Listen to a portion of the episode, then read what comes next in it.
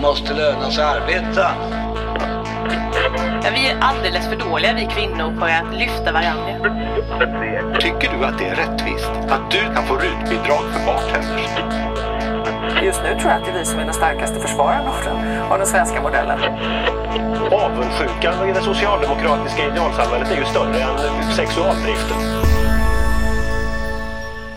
Välkomna till Arbetsvärldens podd fredag den 7 september 2018. Arbetsvärlden är en fristående tidning som för dig som följer arbetsmarknaden som ges ut av TCO. Och vi finns bara på nätet så man ska följa oss på Twitter och Facebook om man vill veta var vi finns. I den här podden så är vi som vi brukar vara, Britta Lejon, ordförande ST, och Samuel Engblom, samhällspolitisk chef på TCO. Jag har alltid lite svårt att säga det där, samhällspolitisk chef. Tungvikare. Men det är det du är. Mm.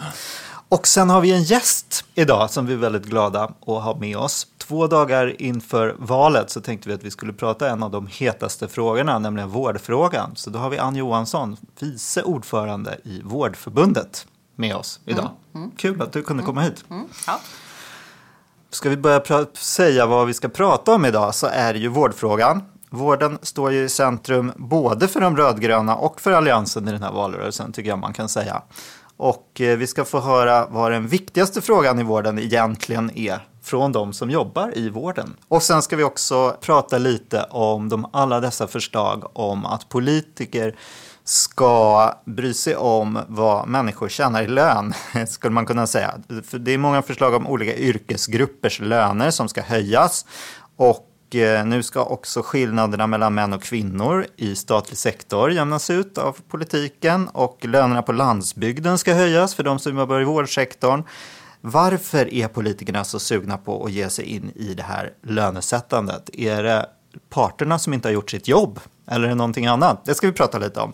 Och sen ska vi förstås ha satir på slutet som eh, denna gång naturligtvis handlar om valet och kanske lite om Sverigedemokraterna också. Hörni, vi sätter igång. Vården har ju blivit en stor fråga i valrörelsen. Eh, Kristdemokraterna har fokuserat på ökande köer. Man har också sagt att lönerna till vårdpersonal i glesbygd ska dubblas. Sverigedemokraterna läste jag idag hade på sin lista att göra patientlagen till en rättighetslag. Jag vet inte om du vill prata om vad det betyder egentligen. Centern eh, vill att landstingen ska skicka patienter till andra landsting om de inte kan få vård tillräckligt snabbt i hemlandstinget, såg jag senast idag. Utspelen haglar. S och V vill också göra valet till en fråga om välfärd. Socialdemokraterna lyfter introduktionsår och specialistutbildning. Och Liberalerna vill återinrätta, eller i alla fall öka antalet vårdbiträden med 12 000 personer. Utifrån ert perspektiv, vad är de största problemen i vården? Egentligen. Alltså det, är ju, det är ju många olika problem naturligtvis. Sen kan jag väl säga att det finns positiva delar i vården också. Det, det måste man ju komma ihåg någonstans. Men, men alltså kompetensförsörjningen som, som eh, är ett stort problem. Eh, som inte bara gäller vården, det gäller ju hela, hela offentliga sektorn egentligen. Det är ju en knepighet och där finns det ju liksom ingen, det finns ingen nationell samling eller, eller eh, koll på vilka behov som finns för vården framöver. Eh, jag skulle säga så här, det är, inte, det är inte ens givet att vi vet vad vi har för, för kompetenser idag. Eh, alltså hur, hur många sjuksköterskor exempelvis, hur många som är specialistutbildade inom respektive spår. Eh, hur många som behövs eh, fem år framåt, tio år framåt liksom, i verksamheten. Så där, där behövs ju någon form av, av gemensam syn på, på vad som kan behövas så att man kan driva, driva vården åt rätt håll. Sen så behöver ju vården ställa om. Det är ju en, en stor utmaning. Vi är ju akutsjukvårdstunga i Sverige och vården behöver ställa om till mer öppen vård. Eh, och det pågår ju ett antal utredningar och arbeten runt att eh, bygga upp en nära vård som, en, som utgår från befolkningens behov och finns där befolkningen bor och vistas. För som sagt nu är, nu är vi ju liksom väldigt eh, akutsjukvårdspräglade. Och det är för dyrt att vara det eller? Det är för dyrt och för onödigt eh, också. För att alltså, vården har ju utvecklats. Om vi tittar på min, min, min tid i vården, den är ju ganska lång. Eh, och vården har ju förändrats jättemycket. Den har effektiviserats enormt mycket. Alltså själva vårdverksamheten. Eh, och, och, om vi tittar liksom på, på akutsjukvården så, så har ju vårdtiderna blivit väldigt mycket kortare. När jag var färdig sjuksköterska då, då opererade man gallan. Då låg man inne min, ja, tre till sex veckor på sjukhus. Idag görs det polikliniskt. Så att alltså det är mycket som har effektiviserats i vården. Så mycket mer sker polikliniskt, korta vårdtider, mycket mer sker i öppenvård idag. Vad betyder polikliniskt? Om du ska fortsätta upprepa ja. det ordet. Behöver vi en förklaring? Okay. Det är när du, när du ska göra en, en operation så går du, till, eh, går du inte till sjukhuset kanske idag. Eller så går du till en mottagning på sjukhuset. Eller så går du till en mottagning på stan eh, och gör din operation eh, och sen går du hem. För, förr så, så lades man in på sjukhuset. Så det är det som är polikliniskt. Okay. Ursäkta att jag använder sådana ord. um, så att, så att det, det, det, har ju skett en jättestor förskjutning av vården. Och, Varför händer inte det här idag då? Om all, jag misstänker att alla är ganska överens om den, att den här utvecklingen borde ske. Vi borde få mer öppen vård och mm. bli mindre mm. akuttunga. Mm. Ja, jag tror ju att det handlar, det handlar ju om, om styrningen. Eh, det, det här kräver jättemycket politiskt mod att, att styra mot det här hållet. Eh, eftersom befolkningen skulle jag vilja säga är väldigt präglad på akutsjukvården och även personalen i vården är präglad på akutsjukvården. Så att jag, jag, jag ser inte att den här omställningen är enkel men att vi behöver göra den. Vi behöver också jobba jättemycket mer förebyggande. Så att vi, vi förebygger så vi får mera hälsosamma eh, levnadsvanor. Så att vi inte ska behöva ha så mycket vård. Eh, så hälso och sjukvården har ju haft ett förebyggande uppdrag i alla år, men vi har inte jobbat med det. Utan vi, vi har jobbat mera insatsstyrt, skulle jag vilja säga. Mm. Så att det, det, det är en, en, stor omställning som behöver göras. Så det är en kulturförändring. Och en kulturförändring tar tid och den är svår. Eh, det handlar ju om makt det handlar om roller, det handlar om jättemycket som behöver förändras. Är det landstingen som är dåliga på att eh, organisera det nya sättet att arbeta på? Jag försöker liksom komma ner till ja, vad det är. Liksom... Ja, jag, förstår, jag förstår vad du tänker på, men, men alltså staten styr ju inte hälso och sjukvården mer än med lagar och författningar och vissa statsbidrag. Mm det, det styr man ju vården med. Sen är det ju landstingen och kommunen som har ansvaret för hälso och sjukvården.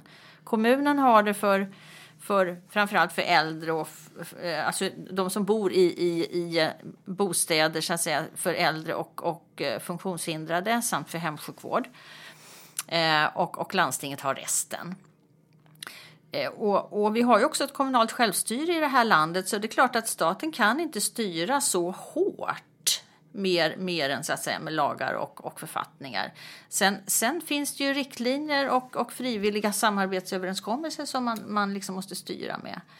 Eh, så att det, det, är inte så där himla enkelt när vi har 21 landsting och regioner och 290 kommuner. Är det så att finns det en eh, enighet? Alltså är man överens om att det här är ungefär riktningen vi behöver gå? Eller finns det, står liksom olika skolor mot varandra, antingen ute alltså, i professionerna eller politiskt? Jag skulle nog säga att det är en ganska stor enighet om att, att eh, vi behöver styra mer mot en nära vård. Um, men jag tror ändå inte att... Vad är vinsterna med det då? Skulle du säga, de främsta vinsterna? Skulle vi få en bättre vård? Skulle vi få ner kostnaderna? Eller skulle vi, vad är det som är de stora vinsterna om vi, lyckas med det där? Dels tror jag vi kan jobba mer förebyggande eftersom man befinner sig närmare befolkningen. Eh, och eh, och eh, ta om hand de som vi inte lyckas ta om hand om idag på ett bättre sätt. Det vill säga de som har stora eh, problem, eh, multisjuka som har flera Som diagnoser. olika- Då, där lyckas inte vi idag. Eh, och, alltså det är ungefär 4-5 procent av befolkningen som tar uppåt en 40 procent av resurserna. Och där har inte vi klarat att hantera den delen. Så att man, man behöver liksom ett annat process, processtänk i vården. Där, där inte eh, våra, våra medborgare faller mellan stolarna. Så att det tror jag, det skulle kunna... Vilka 4 procent av 40 procent av resurserna? är det Ja. just multisjuka Det är multisjuka äldre. Ja, det, är det är inte bara multisjuka. Det finns ju de som, som tar mycket resurser ändå faktiskt. Men det, men det är sådana här siffror som, som, har, som jag har hört sedan 90-talet. Mm. Och de är fortfarande likadana. Och de, men är det de, ska- klarar man att hantera dem någon annanstans än på sjukhusen? Oh, och ja. akuterna? Oh ja. Du, du, kan ju, du kan ju förebygga väldigt mycket genom att ha kontakt med människor eh, och, och planera vård. Så att, så att alltså, saker och ting redan är planerade när det inträffar. Alltså vi vet ju mycket väl idag vad som kan ske med en människa om man har olika problem eller sjukdomar. Så att det går ju att liksom förebygga och, och jobba liksom med personen mer. Istället för att liksom jobba i stuprör. Jag gör det här, du gör det här och den tredje gör det här. Att man liksom har någon som följer kanske en människa genom, genom vården på ett annat sätt. Men är det då vårdcent- tanken är att man, alltså de lokala vårdcentralerna, de som ska ha det uppdraget? Eller? Typ, typ det, höll jag på att säga. Men, men kanske i en annan form än idag. De, de har ju ett jättestort uppdrag idag och har det väldigt tufft. Eh, och, och, och, och skulle jag vilja säga har väl inte tillräckligt med resurser för det. Så man behöver föra över resurser, både kompetens och resurser från akutsjukvården ut, ut till den nära vården. Men också samarbetet med kommunen är jätteviktigt. Med lokalsamhället, med skolan eh, Eh, för den psykiska ohälsan eller för, för ungdomar. Så att, det- alltså det, det behövs en annan rörelse ute, ute i, i samhället. Men som sagt det här kräver ju jättemycket av oss som professioner och, och eh, av, av politikerna. Det handlar ju jättemycket om makt. Det gör ju det. Och det är klart att Vad är maktcentret det för är... maktcentra som Makts- motsätter sig det här? Vad menar du? Nej, jag tror inte att man motsätter sig det, men, men man har inte börjat röra i det än. Alla känner att vi vill den här utvecklingen, men när det börjar röra så att man flyttar resurser från akutsjukvården ut i den nära vården, då tror jag att det kommer börja låta. För då kommer det drabba liksom mig som person när jag jobbar i den här verksamheten.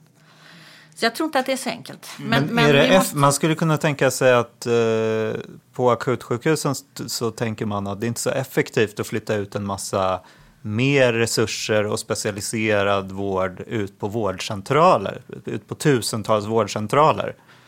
Det ska finnas på vissa specialiserade ställen, sjukhusen. jag Jag bara- bara spekulerar här lite, men jag tror, att, jag tror att vi behöver tänka nytt. Ehm, jag tror att vi behöver jobba på ett helt annat sätt. Att, att den basala delen utgår någonstans ifrån, ifrån eh, primärvården. Och att man, man kanske jobbar mer med, med konsultationer när det gäller specialiserade, eh, specialiserad problematik. Ehm, så att, så att, alltså, vi har ju byggt upp någon form av, av, av specialiseringar idag frågan är om de håller. För att de, de är ju, det är ju liksom en, en problem. Men jag menar det som vi inte klarar av att ta om hand det är ju de som har flera problem. Och det är de som faktiskt kräver de mesta resurserna vi har. Så att där, där, där är vi ju inte bra.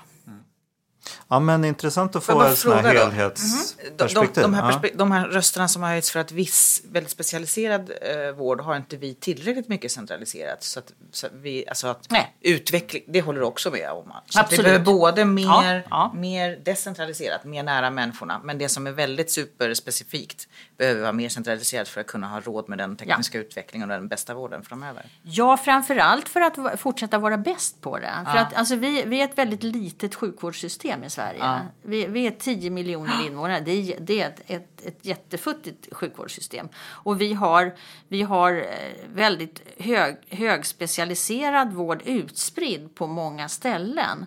Och, och det finns ju också utredningar om där man har konstaterat att man måste träna helt enkelt. Så för att, för att som- bli bäst ja, så att säga. Och, och eh, då, då, ser, då finns det ju förslag om att man behöver centralisera högspecialiserad vård till vissa, del, alltså vissa enheter Mm. i Sverige. Och det är klart, det där kräver också väldigt mycket av landstingen. Mm. Alltså styrning, politisk styrning i, i det. För att det, det, Okej.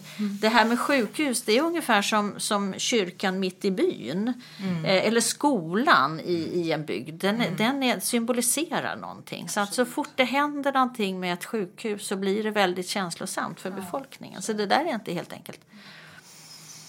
Superintressant att höra.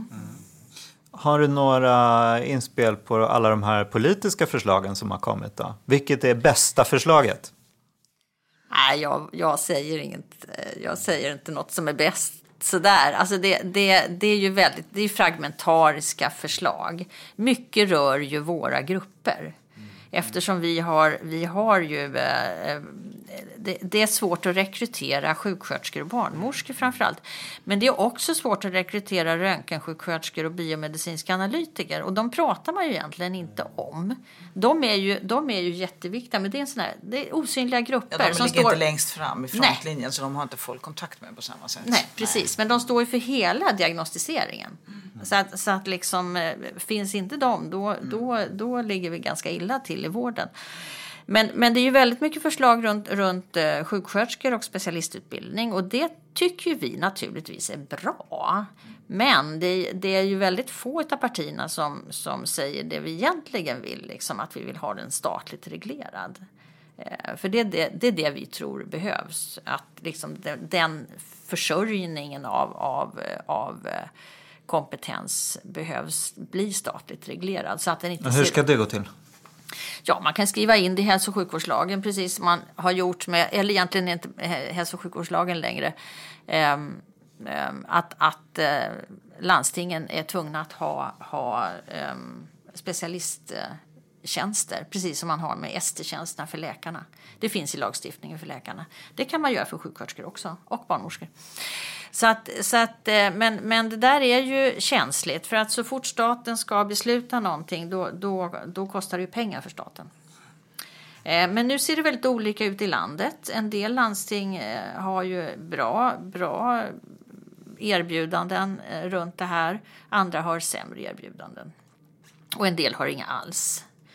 Så, att, så att det är väldigt ojämlikt på den delen. Och, och, och, och det är därför vi ser att vi behöver ha, vi behöver ha någon form av nationell samling runt kompetensförsörjningen i vården. Eh, och det, det där är jättetrögt att få till. Hur, jag tänker, å ena sidan för ett, för ett förbund så måste det vara trevligt att den, den sektor som ni verkar inom får väldigt mycket uppmärksamhet i valet. Och det är ofta så, många förbund vill ju, man, man har det som ett mål, att vi, ska, vi vill att, att skolan eller polisen eller vården ska vara viktiga frågor i, i valet. Men kan det finnas en baksida? Kan det bli så att politikerna börjar lägga Alltså man, då börjar man jaga utspel och, och detaljerade förslag som sen kanske vrider, att man du får väldigt detaljerade förslag på något område medan man då släpper andra områden och att det liksom sen tränger undan. Debatten, debatten och resurserna hamnar på fel plats. Har ni sett några sådana tendenser? Nu är ju det här väldigt, som sagt, det är mycket landsting så det är väldigt utspritt men, men Alltså jag skulle vilja säga, alltså, först så skulle jag ju vilja säga det att det är väldigt svårt med de här utspelen för att det är ju, det är ju utspel från de nationella politikerna som på något vis ska landa ner i landsting och kommun. Och det där är ju inte givet att det händer. Så att liksom, jag, jag, jag tar ju med en liten nypa salt eh, många av de här utspelen. Eh, Men, men det är ju också, jag tänker på Liberalernas utspel med, med vårdbiträden så är det ju också intressant att, att liksom ett, ett, ett, eh, alltså politiker går in och säger till en yrkesgrupp att vi, vi skickar in en, en annan yrkesgrupp i verksamheten eh, för, för att, att då sjuksköterskor ska göra rätt saker. Och då säger man ju till våra, våra medlemmar att ni gör inte rätt saker. Det är lite intressant tycker jag. Eh, och det kan provocera mig en hel del. Eh, att, att man faktiskt går in och, och, och tycker till om, om vad, vad, vad man utför som profession. Ett sånt exempel som man tar och säger att sjuksköterska inte, ska inte bära ut mat till patienterna. Eh, men om jag har minns rätt så kanske det inte funkar. Det är inte fullt så enkelt. Nej, det är inte fullt så enkelt. Man kan ju tycka så här, ja men det är klart att inte sjuksköterskor ska gå ut med matbrickor. Jo, i vissa lägen ska man göra det för att det, blir, det är en bedömning av, av hur den här patienten äter eller vad den äter eh, och hur den får, får i sig näring. Eh, I vissa lägen kanske man inte behöver det, men, men i vissa lägen måste man göra det för att, för att eh, att få i sig näring är en del av omvårdnaden. Eh, och det är ju samma sak som att följa med en person på toaletten, hjälpa till på toaletten eller, eller faktiskt bädda sängen. Eh, kanske med en person i. Då kan du titta på hur huden ser ut, om det är risk för trycksår och så vidare. Så, vidare. så att det där är ju en bedömning man måste göra själv som sjuksköterska i det specifika läget. Att här behöver jag gå in och, och, och göra en bedömning. För en sjuksköterska gör ju alltid en bedömning och en uppföljning när man möter en patient. Finns det, finns det avlastning som behövs? Alltså, är det så att sjuksköterskor idag gör saker som de inte skulle behöva göra och som man, där man då skulle kunna avlasta och få mer tid till annat? Finns det sådana saker? Ja, självklart. Självklart finns det det. Och jag menar, vi har ju, vi har ju då haft en utveckling där, där mycket av de här stödresurserna har tagits bort i, och det gäller ju mycket av offentlig sektor. Det har, gäller ju vården också. Alltså det rensades ju bort väldigt mycket av stödresurser under 90-talet. skulle Vilken jag vilja typ säga. av resurser var det som försvann? Ja, det, alltså vaktmästare, även ekonomibiträden, eh, bemanningsassistenter. Alltså en mängd av, av eh, de stödresurserna försvann då. Eh, Så det är klart att visst går det att, att hitta andra grupper som ska in eller tillbaks eller hur, hur vi nu uttrycker det i, i vården igen för att underlätta för, för vårdpersonalen i den, den enskilda vården. Men nära patienten och i vården där måste du ha kompetens eh, och ganska hög kompetens idag eftersom vården har förändrats så mycket. Så fler vaktmästare hade varit en, en bättre slogan? Ja, åtminstone, Är det inte så att ni har sett, för det har Sineva i alla fall uttryckt, Mm. ordförande i Vårdförbundet, att, att ni har sett när, när det nu är så svårt att få tag på utbildade sjuksköterskor så har ni sett en tendens i, i vissa landsting i alla fall att man då sänker kompetenskraven och istället anställer andra som inte är fullt ut för att man inte får tag. Och att det lite har varit en medveten strategi också, också för att få ner kostnader. Är det så? Eller Ja, alltså, vi, vi, har ju, vi har ju sett nu, förra sommaren och den här sommaren så har det ju liksom eh, öppnat så kallade sjuksköterskelösa avdelningar. Alltså med, med läkarstudenter eh, och undersköterskor. Men det har ju alltid funnits någon sjuksköterska på distans. Eh, och det, det där har inte slagit helt väl ut. Eh, så. Och det är klart att det är ju ingenting som vi rekommenderar. Vi, tr- vi tror ju mer på den här... Alltså, ge chefer mandat att verksamhetsutveckla. Ge chefer mindre chefsområden så att man kan, kan liksom, eh, utveckla personalen, utveckla verksamheten. För genom att ha en verksamhetsutveckling, det är då du kan se att gör, gör vi rätt saker här? Och gör har, har alla, alla professioner eller alla yrkesgrupper rätt saker som man gör liksom, i, i, i verksamheten? Det måste, jag tror att den utvecklingen måste ske där. Det kan inte politiker bestämma att vi, att, eh, att vi ska liksom in med någon annan grupp. Utan det, det behöver vara i verksamheten tillsammans mellan, mellan chef och medarbetare. Att, att man ger cheferna mandat och möjlighet att verksamhetsutveckla, för den finns inte idag. Eh, cheferna behöver stöd.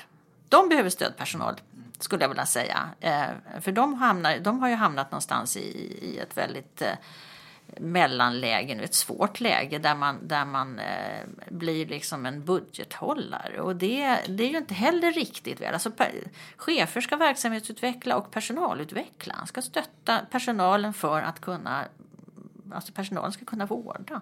Så att jag tror att det jobbet är det viktigaste jobbet i vården för att behålla personalen. Det, det är min, min övertygelse. Mm. Sen behövs det ju till andra strukturer förstås som, som lön och villkor och goda scheman och allt det där. Så är det. Men, men jag tror ju ändå att få, få cheferna mandat att, att göra mera. Eh, även på lönesidan och löneutveckling, kompetensutveckling så, så tror jag att vi kan komma långt. Ja, jag känner vi kan prata ännu mycket mer om detta. helst. Men ja, det är väl kanske så att det är dags att gå över till vårt andra ämne. Eller hur? Som är eh, politiker och löner. Vi går vidare helt enkelt i det spåret. Hörrni, Centern kom ju med ett förslag häromdagen om en jämställdhetspott som Arbetsgivarverket skulle ha åt statligt anställda så att kvinnor skulle få eh, komma ikapp männen. Eh, KD hade ju förslag om eh, dubbla löner för vårdpersonal i glesbygd eh, igår, tror jag det var. Och eh, vi har ju förstås det här stora förslaget, Alliansen, som inträdesjobb där man ska lagstifta om 70 procent av lönen av eh, avtalade lägstalöner. Eh, vi har förslag från Liberalerna och Kristdemokraterna om att lärare i utsatta skolor ska ha mer betalt. Varför kommer alla de här förslagen? I eh, valrörelse, Mikael. nu. Jo, men är det, är det vanligt att politiker just använder lönerna som ett sätt att lösa olika samhällsproblem? Nej, vi- vi har har facket misslyckats? Vi pratade ju om det här förra gången vi, vi eh, poddsände och eh, jag tycker ändå att det har blivit väldigt mycket mer sådana här eh, inhopp, politiska inhopp. Tycker jag och jag tycker det är i grunden inte bra för att det är parterna som ansvarar för lönebildningen. Jag ser det här mer som, som att det är tecken på att det är valrörelse och att det är ett sätt att liksom eh, Visst, vissa av de här utspelen handlar om eh, att man, man har identifierat och från politiskt håll väl- väljer att lyfta fram frågor som är genuint eh, saker som inte funkar idag. Som till exempel att kvinnor tjänar mindre än män och att vi i glesbygd, fin- att det finns eh, ja, för lite kanske fast personal, så, både bland läkare och för, li- alltså för lite personal i vissa, eh, till exempel i vården och sådär. Men, men liksom att säga att att säga att det beror på att lönebildningen har havererat och parterna inte tar sitt ansvar, det tycker jag är helt fel. För vi har ju faktiskt, skulle jag vilja säga, eh, en i stora drag väldigt väl fungerande lönebildning i Sverige med ett undantag då, vi återkommer säkert till det. Men, men liksom det, vi har, liksom, vi har lyckats leverera reallöneökningar till svenska löntagare från, från parternas sida eh, under 15-17 år. Och det har man inte lyckats i omvärlden eh, med utan att för den skull på något sätt haverera kostnadsläget i svensk ekonomi, svensk industri och sådär. Så att jag tror nog att, att säga att, det, att vi inte tar vårt ansvar, det, det tror jag är, det är nog inte många som håller Men med det om det. kanske inte är, dels kan man ju prata om märket förstås, Mm. att det, är- det är uppe för diskussion liksom att det blir svårt att eh, för eh, sjuksköterskor och andra grupper att eh, gå förbi industrin och att det skapar Exakt, en stelhet. Liksom. Ja, men det är vi- är väl den som utifrån som har varit tydligast Ja, men det det- i den där kritiken. och som det är det som du är inne på. Men man kan, man kan ju också tänka sig att eh, den låga inflationen bidrar ju också till det här. Att det blir svårt för olika grupper att sticka ifrån varandra. Att det blir svårt för att det blir svårt att höja löner i vissa, i vissa delar så att det blir någon verklig skillnad mot hur det är i andra delar. Det behöver inte bara vara parterna, det kan vara samhällsekonomin. Ja, men självklart, eh, saker hänger ihop här. Men, nej, men alltså, nej, men så att, eh, jag, min, din fråga var ursprungligen varför är det så många politiska Mm. inhopp i svensk lönebildning? Ja, det är valrörelse. Det är liksom. Men och det är förut, valrörelse med brist på arbetskraft som, som i, Exakt. i de här Ja, i sektorer som Just man... Det gör ju, och då, att det är klart att då blir det en lösning. Och att, att höja lönerna, det är ju om man tittar på då våra förbund i berörda sektorer, så är det klart att det är en del av lösningen. Sen det är klart att, att det innebär inte att man vill att politikerna ska säga vilken yrkesgrupp som ska tjäna hur många tusenlappar mer. Eh, för det blir ganska konstigt. Jag tänkte vi kanske kan, så vad händer i ett förbund när politikerna det, pekar ut en sånt. delgrupp som ska ha mer? Liksom, vad det skapar för, för förväntningar. Och så. men jag tänker förut sa väl politikerna mer pengar till polisen, mer pengar till vården. Man säger Precis. inte lönerna Exakt, ska upp Exakt, och inom det är vissa ju ett av sektorer. bekymren. Verkligen. Och det är väl det vi kan känna också. Jag menar, vi har ju ändå, vi har ju ändå sagt eh, att vi vill ha någon form av stö, statligt inhopp i, i lönediskussionen. Eh, för för eh, specialistutbildade framför allt. För vi ser ju att vi behöver mer, alltså sekt, sektorn behöver mer pengar till det. Sen vill ju vi naturligtvis inte att politikerna ska peka ut vem eller, eller exakt grupp utan det är ju någonting som parterna måste, måste lösa. Men däremot så behövs det ju pengatillskott för att kunna få jämställda löner och för att också kunna, kunna höja så att säga de här grupperna som, som eh, ligger efter. Jag tycker att vi borde klara av att åstadkomma jämställda löner oavsett vilken lönesumma vi har. Samt, men samtidigt, jag förstår det du säger och jag har ju varit positiv till att Centern har valt att säga att vi har ett bekymmer också i staten Ja. och där, där jag menar, vi behöver lösa det. Så att, eh, det är ju så att både inom vården och inom den statliga sektorn så är det ju ständiga nedskärningar och effektiviseringstrycket är så högt så att va, alltså, pengarna räcker. Det är klart att med mer pengar blir det lättare att åstadkomma och hur länge ska svenska kvinnor vänta på att få lika mycket lön som män? Så att det är klart att vi också välkomnar den typen av medvetenhet från politikerna och vilja att göra någonting åt det.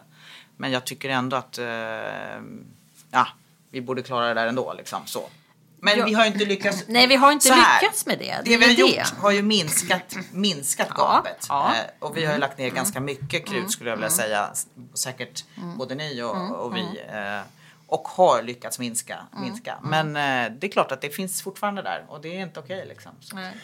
Men Sen är det intressant att det kommer upp som, Ja, som en enskild fråga. Ja, det, det, det- ja, men det tycker jag, jag det är är- ju bara att applådera. Ja men exakt, det var det jag menade också när jag applåderade Mm. Centerns utspel. Men hur är det tänkt att fungera, det här centerutspelet? jag läste Det får du fråga Centern om. Ja, för jag nej, har jag inte... läste det eh, och, och såg liksom inte... Nej men jag, det lilla jag har läst handlar kanske inte om någon pott som du sa utan mer om att det skulle vara mer pengar till, till myndigheterna. En, men en, sär, en särskild post i, i budgeten ändå som arbetsgivare, äh, myndigheterna skulle, för det är ju inte det är på myndigheterna som lönen konkret sätts även om det är Arbetsgivarverket som, som vi har som motpart.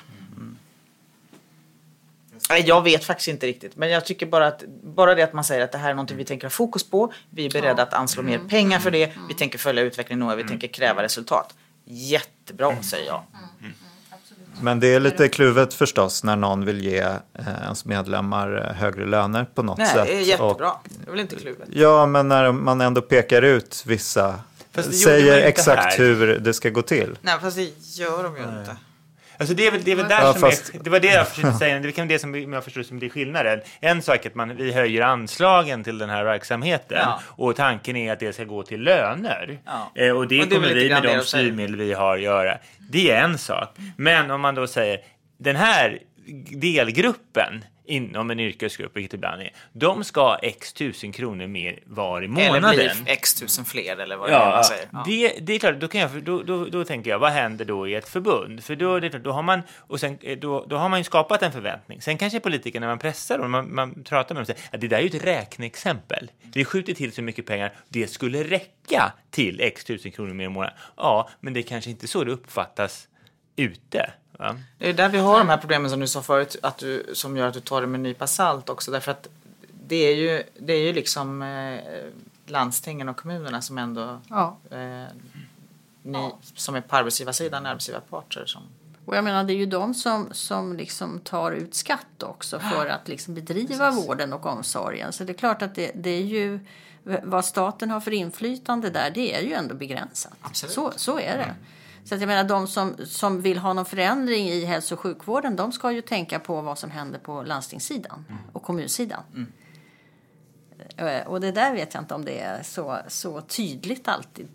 Fungerar ansvarsutkrävandet, alltså, tänk, om vi tänker landstingsvalen, som är oftast är de valen som får minst uppmärksamhet. Fungerar ansvarsutkrävandet för hur väl man klarar av att organisera vården? Utifrån befolkningens sida tänker du? Ja, Ja, det är bra. Nu kommer vi in på val. Ja, nej, det kanske inte är det, det. Jag har nog inte reflekterat riktigt på det sättet. Men det, det är ju inte... Det, det är klart att det finns ju alltid lokala debatter och, och lokal media som ifrågasätter landstingspolitikerna. Eh, men det blir ju inte lika tydligt i en valrörelse som det blir på nationell nivå. Eh, och, och, och det är väl det som, som jag kan känna mig sådär, ja, ja, När man liksom debatterar vården. Vi är ju jätteglada att man debatterar vården. Så är det ju. För att den behöver lyftas upp. Men jag tror också att anledningen till att det varit svårt att debattera den. Det är ju just för att det är någon annan som sköter den än staten. Och ah, vi vet ju att i ah, många val så har man ju liksom gjort undersökningar och folk känner liksom inte till vem som styr det egna landstinget. Den, den, så att jag menar, det säger någonting om att det är ett litet bortglömt val. Och då blir det svårt med ett ansvarsutkrävande om man inte ens vet vem det är som är ansvarig. Och det är ju lite trist. Alltså, för jag menar landstingen och regionerna de har ju hand om väldigt mycket som betyder, betyder mycket för, för det dagliga eh, det dagliga värvet för människor. Alltså det, det är trafik och sjukvård. Alltså det är ju ganska stora delar, alltså stora ingredienser i, i det dagliga livet. Ehm, Men, men eh, det där är ju också knepigt eh, för att det, det, det, det är olika majoriteter. Alltså det är olika majoriteter i, i, kommun, i kommun och i regioner, landsting och på, på nationell nivå. Och det, det, där, det där skevar ju ibland och det är klart att det kan vi märka som förbund. Eh, eh, olika politiska utspel som, som eh, beror på de olika majoriteterna som finns det är också till landstingen ibland då en del blocköverskridande majoriteter som gör att kanske konfliktlinjen är en annan än Mm, Ja. vad den är på nationell nivå. Ja, Så då ja. kan man ha en situation där sjukvårdspolitikerna på na- nationell nivå slåss som hund och katt Mm, Eh, eh, om någonting och beskyller varandra för olika saker. Och sen Mm. så sitter man där de, de, de, de, tyng, de besluten som faktiskt eh, kanske har mer betydelse Mm, fattas. Där, där sitter man då i samma koalition. Precis. Så att, och ibland, jag, jag upplever ju också att de eh, nationella politikerna eh, får, får stå till svars för det som händer lokalt. Jag brukar säga jag tänkte att vara sjukvårdsminister måste vara ett av de värre politiska jobben. Därför att eh, eh, är det då problem i ett landsting eller i, liksom, inom omsorgen i en kommun, ja då kanske det håller sig på nationell nivå. Men är det två, då är det ditt. Och då, då, kan, då hamnar mikrofonen under näsan på den här Ja. sjukvårdsministern. Och som då inte kan som har ganska, bara ganska grova verktyg i sådana fall. Då. Det är lagstiftning och pengar. Va? För att komma till rätta med någonting som kan handla om hur man har valt att organisera lokalt. Det, det är ingen rolig... eh, Det kan vara det är en svår ministerpost. Ja, det är svår- den är svår. Absolut svår, jättesvår. Om man ska Ja. liksom koppla tillbaka till vad du ser egentligen skulle behövas för vården så skulle man ju egentligen kunna säga att egentligen skulle vi ha lite mer som var på kommunal nivå eller på liksom nära medborgarna Eh, och, någon, och en, en liten, den högst specialiserade vården som egentligen var mer kopplad till den nationella nivån, mm. inflytande då. Så att ja, egentligen har vi inte en optimal beslutsstruktur och liksom ansvarsstruktur för de här frågorna. Nej, alltså det är, svår, det är svårstyrt. Eh, och det, det kräver väldigt mycket för att kunna ställa om någonting som är så traditionellt utformat. Eh, och traditionellt styrt. Så att det där, det där är, det är jättespännande. Så det, det kommer kräva massor med mod för att klara det. Men jag tror att det också krävs, det du, det du beskriver, alltså en, en, en, en diskussion i, i samhället och en ökad insikt hos oss eh, medborgare om att det finns bättre sätt att utveckla vården på än som vi gör just nu. Det är först när den liksom, eh, kunskapen finns hos stora delar av befolkningen som det kan finnas förutsättningar att styra åt det hållet tror jag. Absolut. Sen, sen ska vi ju vara medvetna om att det finns ju en mängd goda, eh, goda exempel eh, som, som finns ute i glesbygd bland annat. Hur man, hur man liksom använder teknik eh, på ett annat sätt med distanskonsultationer och distansvård och sånt som också är en, en, en, en, en, en utvecklingsdel som, som i stort sett eftersatt i vården men, men eh, utvecklad på vissa ställen men behöver utvecklas mer. Vi, kan, vi kommer kunna använda de digitala verktygen på ett annat sätt eh, för, för att liksom nå ut eller att man inte behöver liksom åka till som, som medborgare till vården utan, utan man kan sitta hemma och bli konsulterad eller ha kontakt. Så att det, det är mycket som kan utvecklas, det är det. Härligt. Bra. På den positiva noten så går vi över till vår satir. Det blev mer vård än det blev lönebildning. Men det, men- Ja, men det var så väl bra. Vi måste det utnyttja måste- vår exakt, gäst. Ja, men exakt. precis. Eh, bra. Eh, jo, eh, En jobbig värld heter ju vår satirredaktion. Det är Lars Berge, journalist, som skriver den. Nu har eh, En jobbig värld tagit fram en egen valkompass eh, så här två dagar eh, före valet. Och Eh, då har vi tio påståenden som man ska svara på för att reda ut vilken politisk framtid som passar just dig och Sverige bäst. Eh, ja, jag vet inte. Jag läser några frågor här. Eh, ekonomi, inom området ekonomi. Världsekonomin styrs i hemlighet av familjen Rothschild. Beviset för den judiska familjens oerhörda makt är den pyramid som finns tryckt på amerikanska dollarsedlar. Kan man svara A. Instämmer helt. Allt sker i maskopi med George Soros. B. Ingen åsikt. C. Helt emot. Ja, så finns det lite sådana eh, historier. Det bästa för Sverige vore om landet annekterades av Ryssland. A. Instämmer helt. Ryssen borde ta, ta bort vår skitregering. B. Ingen åsikt. C. Helt emot. Eh, Jag läser en sista också. Eh, inom migrationspolitiskt område. Tiotusentals måste lämna landet, annars går Sverige under om ett till två år. Muslimer bör repatrieras med våld. A. Instämmer helt. Man håller på att utradera den vita rasen. B. Ingen åsikt. C. Helt emot. Ja, om man svarar var en A. viss riktning på de där frågorna. Ja, om man svarar A så, så kan man karaktärisera sig så här. Du vill se riksdagshuset brinna och är emot öppenhet och tolerans. Men trots allt eh, kan du tänka dig att använda din röst för att på sikt avskaffa den parlamentariska demokratin. Du röstar SD på valdagen, måndag den 10 september. Funny. Ja, vad väljer man att se att man inte höll med? Du har inte åkt i någon jävla tidsmaskin tillbaka till 1933. Du vet att bakom påståendena ovan står företrädare för ett politiskt parti som kommer göra anspråk på regeringsmakten i Sverige. På söndag röstar du mot rasismen, paranoian och idiotin. Britta, du har ju varit ute och eh, pratat lite om era medlemmars eh, oro för, att, eh, för en SD-ministerpost. Eller i alla fall att det finns de Det som är finns, oroliga. ja, jag har blivit kontaktad av medlemmar som jobbar i regeringskansliet. Eh, jag vill inte påstå att det är många, men det har hänt. Eh, och vad vi säger då är, men ni ska ju naturligtvis göra ert jobb. Så är det ju. Det är liksom, finns ingen anledning att göra på något annat sätt. Men Eh, det var ju frågor som ställdes av, av din tidning eh, som egentligen handlade om, tror jag, valet generellt. Mm. så att det där var en liten, liten aspekt av det. Men, men det fick, jag fick ju frågan om om man kan säga att det finns hot mot den svenska demokratin och där, där vill inte jag bidra till någon överdrift men, men tycker att det är bekymmersamt att vi har ett parti som faktiskt inte riktigt ställer upp på den här grundtesen som alla andra partier gör, nämligen att alla människor är lika värda och att de riskerar att bli så väldigt stora så att de kanske blir till och med störst. Det är eh, inte ett Ja, men det är ett tecken på vilken tid vi lever i. Eh, och vi pratade om det förra gången också.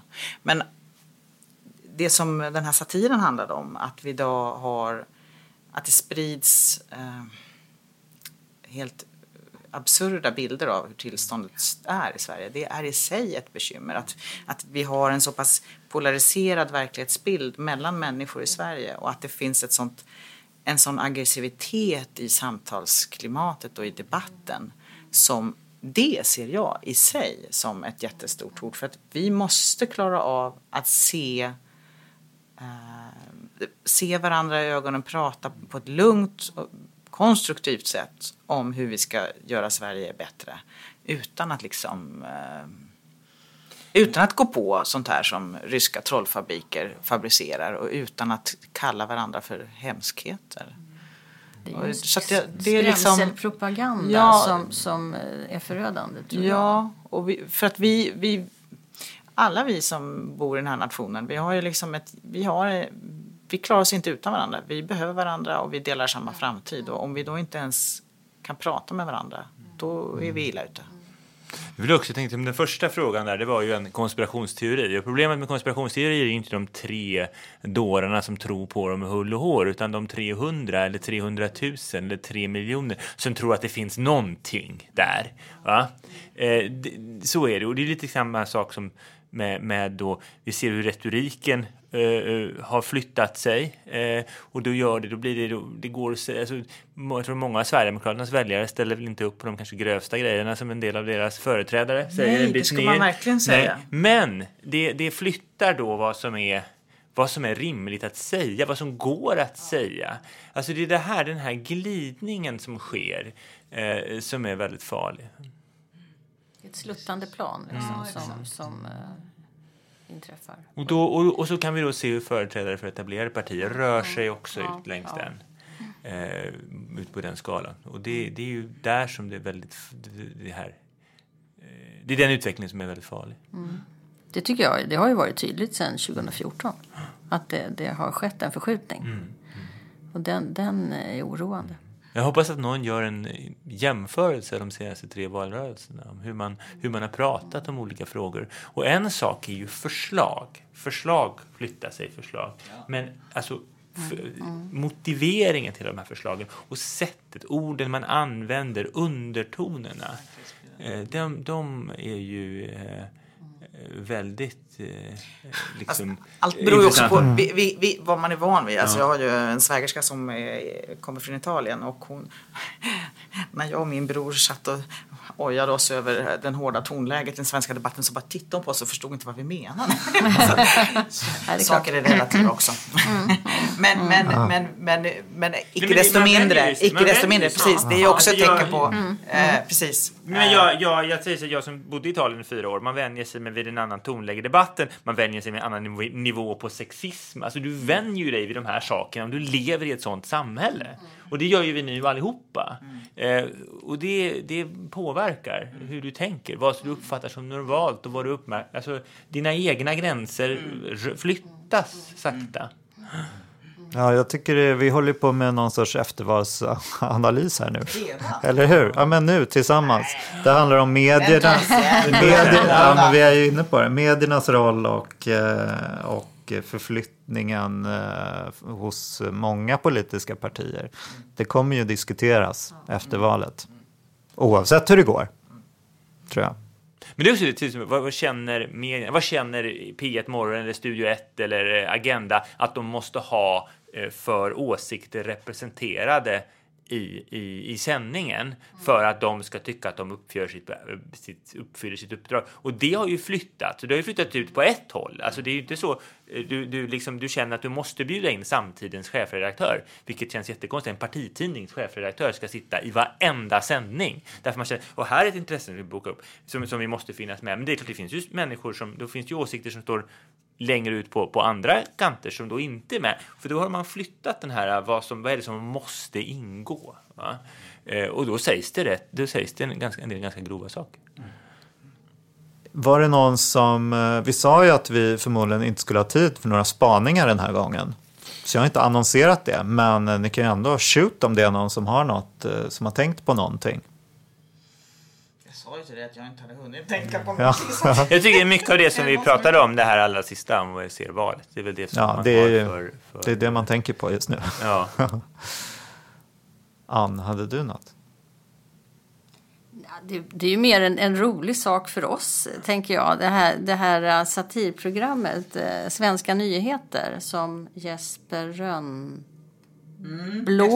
ja, blad eh, eh, har på fredagar så hade han ju ett väldigt, väldigt, eh, väldigt komiskt inslag om, om, eh, om sjuksköterskor och bemanningsföretag. Oj, måste jag titta. Ja, titta på det för det var, det var faktiskt riktigt roligt. Det, det är nästan som man skulle kunna tro att Vårdförbundet hade sponsrar men det har vi inte gjort och vi ligger inte bakom det. Men, men det, är, det är så på pricken och det blir så roligt när någon annan sätter fingret på, på liksom problematiken. Så att det där är jätteroligt att ti- titta på det. Jag har ingen spaning, däremot har jag, har jag en fantastisk bok jag håller på och läser. Oh, alltså, ibland har vi också delat med oss av liksom sån här... Ett litet liv heter den. Eh, suverän. Om fyra killar, fyra vänner som i, eh, i New York som man får följa deras liv. Helt fantastisk. Finns i pocket. Ja, bra tips. Då så, då säger vi adjö för den här gången. Man kan lyssna live på oss på Facebook eller som podd. Och man kan också komma i kontakt med oss och eh, kanske föreslå vad vi ska prata om eller ge ris och ros på Facebook och Twitter till exempel. Och man ska ju förstås prenumerera på oss i sin poddapp så att man inte missar några avsnitt. Och eh, sen ska man som grädde på moset ge oss bra betyg på iTunes. för att sprida vårt goda Men renommé. Mikael, den Ja. här dagen, den här fredagen, två dagar före valet så finns det faktiskt något annat vi måste sluta med i, som uppmaning. Nämligen att folk ska använda sin rösträtt på söndag. Eh, den är så värdefull. Det är ju faktiskt eh, 100 år i år sedan eh, vi fick allmän och lika rösträtt för både kvinnor och män. Det är sant, man ska både gå och rösta och prenumerera på den här podden i, i sin app. Bra, Eh, gå och rösta nu. Ja, Hej då, det ska vi göra. Hej.